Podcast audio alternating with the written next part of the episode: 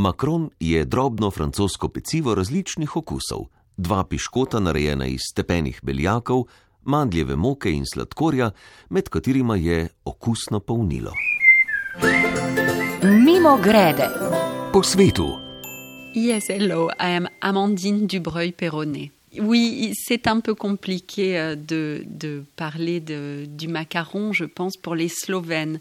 Macaron, on dit ça, on dit complicated, ce son est compliqué. Upam, da ste razumeli Amondin in razbrali, da utegnemo imeti slovenci pri francoskem naglaševanju kar nekaj težav, ne le fonetičnih, posledično tudi vsebinskih. Zakaj nam zdaj le strokovno pojasni naša fonetičarka na Radiu Slovenija, Mateja Juričan. Tuja imena izgovarjamo po naši fonetiki, ne pa po tisti, iz katere izraz oziroma ime izhajata. Le na tak način v bistvu lahko zagotovimo vsaj približno doslednost v izgovarjavi tujih imen. V popolni zmedi bi se namreč znašli, če bi želeli vsako ime povedati po tistih fonetičnih zakonitostih, ki veljajo za jezik, iz katerega izraz oziroma ime prihajata. Tako je recimo tudi pri francoščini, francoskih nosnikov ne posnemamo. Za nekoga, ki ni zelo dober govorec francoščine, je namreč zelo težko izgovoriti pravi nosnik. Med njimi so v izgovoru zelo majhne razlike, z napačnim izgovorom pa v bistvu spremenimo pomen izraza oziroma tudi imena. In tako lahko, naprimer, slaščico, o kateri govorite, spremenimo v skušo, francoskega predsednika Makrona pa v zvodnika. Hvala, Mateja, in mi bomo, da se izognemo posmehu in da naši makroni ne bodo skuše ali sladki zvodniki uporabljali kar poslovenjen izraz. A doktor makronoznanstva vseeno prisega na izvirnik.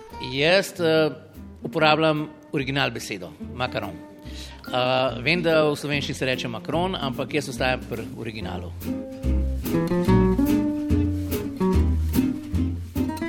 Danes v zadnji oddaji tokratne serije mimo grede po svetu gostimo priznanega slaščičarja Karima Merdjadija, ki se je med drugim izobraževal tudi v deželi Makronov in atašejko za francoski jezik na Francoskem inštitutu v Ljubljani, gospod Amondin Dubroj Perone. Je, je n'ai eu le plaisir de, de goûter les macarons que quand j'étais adulte. Pravzaprav sem bila, ko sem prvič poizkusila makrone, že odrasla. Študirala sem v Parizu. Odraščala sem na podeželju in takrat makroni niso bili tako dosegljivi kot danes. Seveda so mi bili takoj neizmerno všeč in kmalo zatem sem začela obiskovati tečaj, ki ga je vodil priznani pariški slaščičar. Tako da poznam tudi skrivnosti izdelave makronov. À la cuisson. La cuisson est particulièrement importante. Zdaj, čisto prvega, kdaj sem ga jedel, se ne spomnim, ker lahko da sem pa niti nisem vedel, kaj je to bilo. Sem pa uh, nekje leta 2010 bil na izobraževanju v Franciji pri Pierre Hermeju, njemu pač se reče kot kralj makaronsov. In uh, izobraževanje je bilo z sladicami na krožniku, makaroni so bili pa kot uh, bonus. No in takrat sem jih tudi prvič pripravljal. Izvor makronov je dobro dokumentiran. Pramakrone so pekli v samostanih v Beneški republiki od 8. stoletja dalje, navdih za nje pa naj bi dobili na Bližnjem vzhodu. V Francijo so prišli v času renesanse, za Katarino Medičejsko, ki se je poročila s francoskim kraljem, jih je pekel italijanski slaščičar, ki ga je pripeljala s seboj iz Italije. Piškotne diske za makrone, kakršne poznamo danes, sta v samostanu Kormeri v osrednji Franciji leta 1792 prvi spekli sestri karmeličanki, ki so ju poimenovali sestri Makron. A šele, ko so leta 1930 v znameniti pariški slaščičarni Ladire dve polovički Makronov zlepili skupaj s polnilom, so dobili podobo, kakršno poznamo še danes.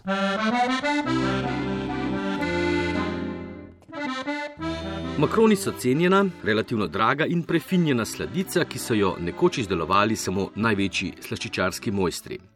In tak sloves imajo še danes, čeprav so od začetka tega tisočletja preplavili Francijo, Evropo in svet. Uh, les Français mangent les macarons pour des occasions particulières. Francozi praviloma jemo to slaščico v posebnih priložnostih, denimo na porokah. Zadnje čase, ko so bolj dosegljivi, ga postrežemo tudi kot sladico ali pa zraven kozarca šampanca, morda tudi ob kavi. A makroni so za večino še vedno gurmanski presežek, luksuzna sleščica.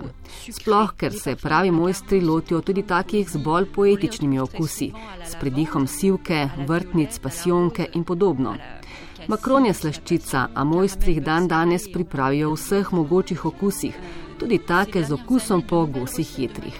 A teh še nisem poskusila. Par exemple les macarons au foie gras, que je n'ai d'ailleurs pas encore goûté.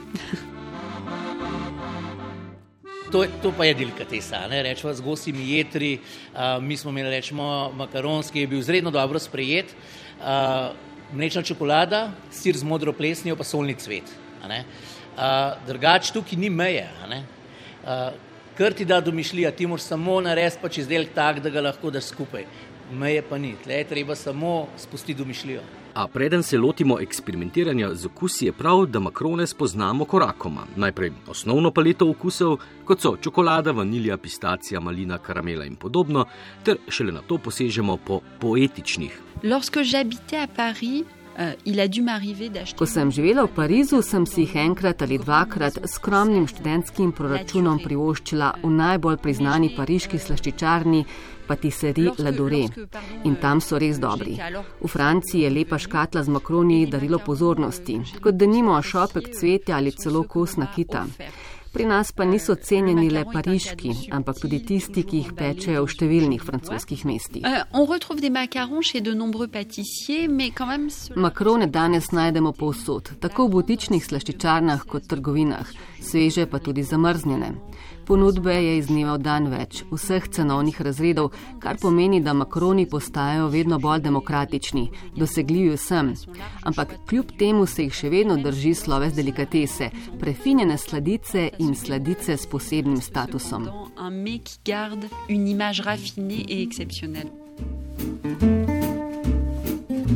Mimo grede po svetu.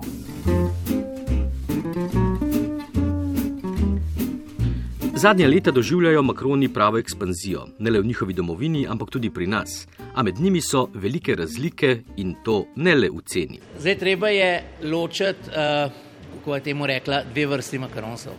Eni, ki so narejeni na masovno proizvodno, in eni, ki so narejeni butično.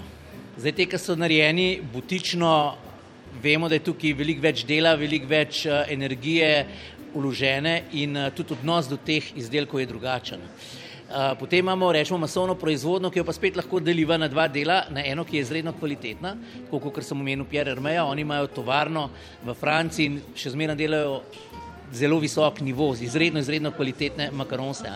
Po drugi strani imamo pa lahko te nizkocenovne, ki jih najdemo v raznih nizkocenovnih diskontih, pa pa trgovinah, tiste pa tako. No. Um, jaz temu rečem, da je pofalno, čisto domač povedan. In si ne zaslužijo, ko bi rekel, škodo delajo tistim makaronsom, ki so res kvalitetni. No. Makroni so izjemno priljubljeni tudi v Združenih državah, kjer zelo cenijo klasično francosko kuhinjo, a so odprti tudi za nove okuse. Tam so denimo izumili makrone z okusom po sladki koruzi, prestah, slanini z javorjevim sirupom in slanih kokicah še bolj pa jih imajo v čislih v Aziji, sploh na Japonskem in Južni Koreji, kjer so zaradi oblike in barv postali del njihove popkulture. Je pa to mogoče zdaj zadnjih 15 ali 20 let, no, uh, taka trendovska sledica. No, in uh, jaz mislim, da gre velika zasluga Azicem. Azici so nori na francosko slačičarstvo in ogromno Azicov se hodi v Francijo učiti in potem to prenesejo v Azijo, kjer pa oni potem dodajo svoj pridih se pravi, uporabljajo svoje začimbe, ne vem, mača, zeleni čaj, juzu in podobno. Tako da potem oni še večkrat nadgradijo vse to. V svetu slaščičarstva sta dve glavni tehniki za izdelavo makronov: francoska in italijanska.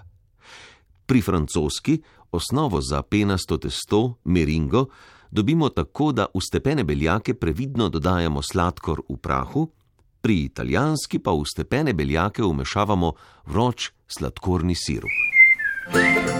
Mimo grede po svetu. Kako pa francoske makrone pri nas izdeluje, kot smo ga prej poimenovali dr. makronoznanstva Karim Merdjadi?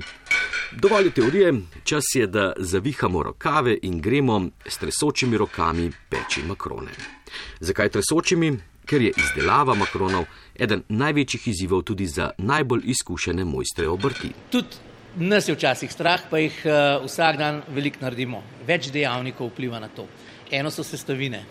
Uh, vedeti moramo, da če uporabljamo naravne sestavine, mandel pač raste v naravi. In uh, enkrat je bolj masten, enkrat je manj masten, enkrat je bolj finomlet, enkrat je bolj grobomet. Potem so tukaj beljaki. Enkrat so rečemo lahko mečkam bolj tekoči, da imajo več vlage, drugič so rečemo, če so starani, so bolj gosti. Potem vlaga. Če imamo zelo vlažen prostor, potem ali bomo prostor razvlažili, ali pa makaronstvo ne bomo delali.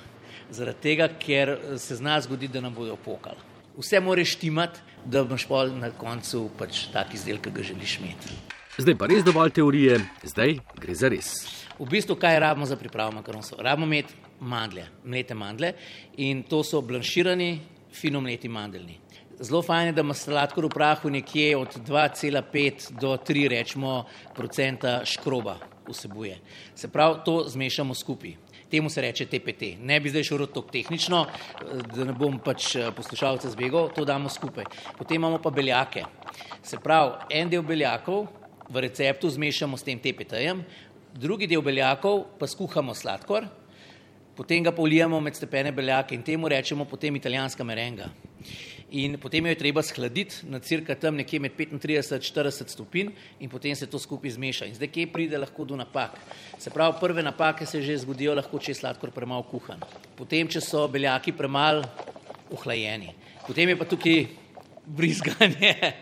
Se pravi, fino je, da so vsi te makaronsi enako veliki, ker ko jih bomo pomnili, kad damo skupaj, je lepo, da pač lepo zgledajo še predno gremo pa sploh do konca, jih je pa treba sušiti. Se pravi, mi smo jih zdaj nabrizgali, potem jih je pa treba pustiti nekaj časa na sobni temperaturi, da se posušijo. Zdaj, koliko časa se bojo sušili, to je relativno. Od vlage, tako kot sem prej rekel, v zraku, no in potem damo na peko.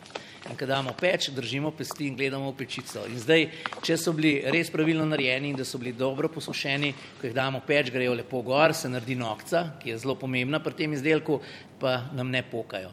Makaronci se morajo čist do konca ohladiti.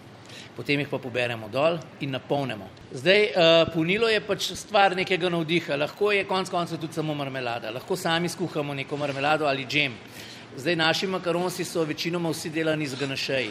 Ganaš, bom čisto enostavno povedal, ni nič drugega, kot da damo skupaj uh, smetano pa čokolado. Je pa treba punila delati vsaj 24 ur pred uporabo, pa še zmeram niso končani.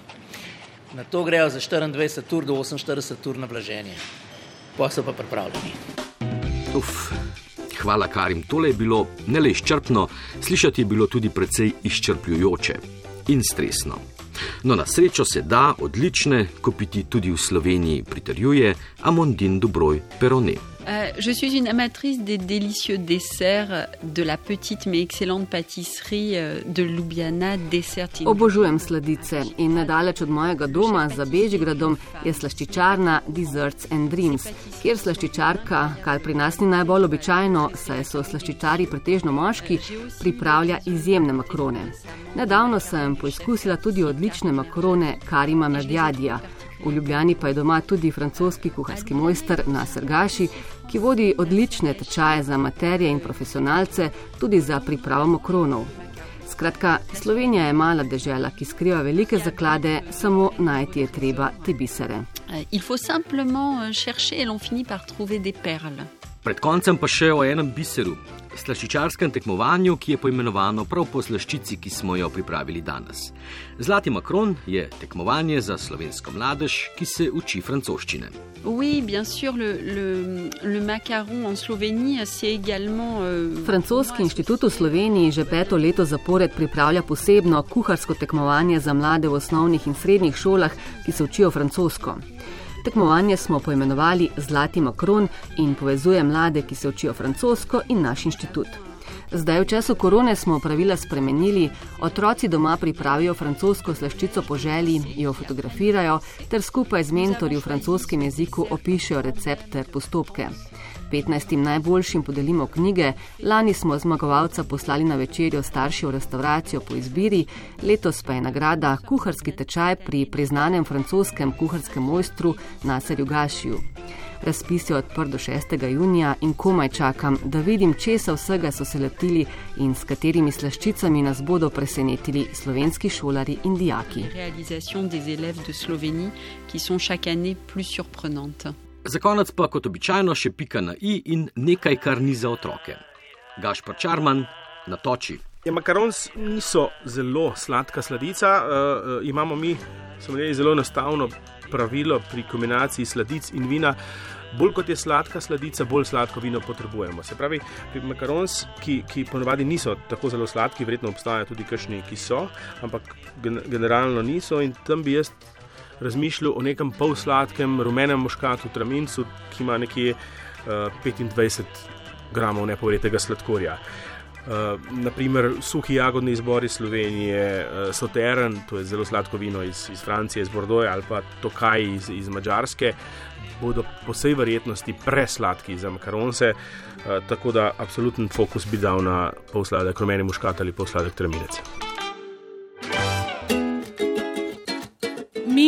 grede radio Vans. Bal. Vans. Bal. Ja. Mimo grede. Grede. Mimo grede radio Van. Vasto. Va.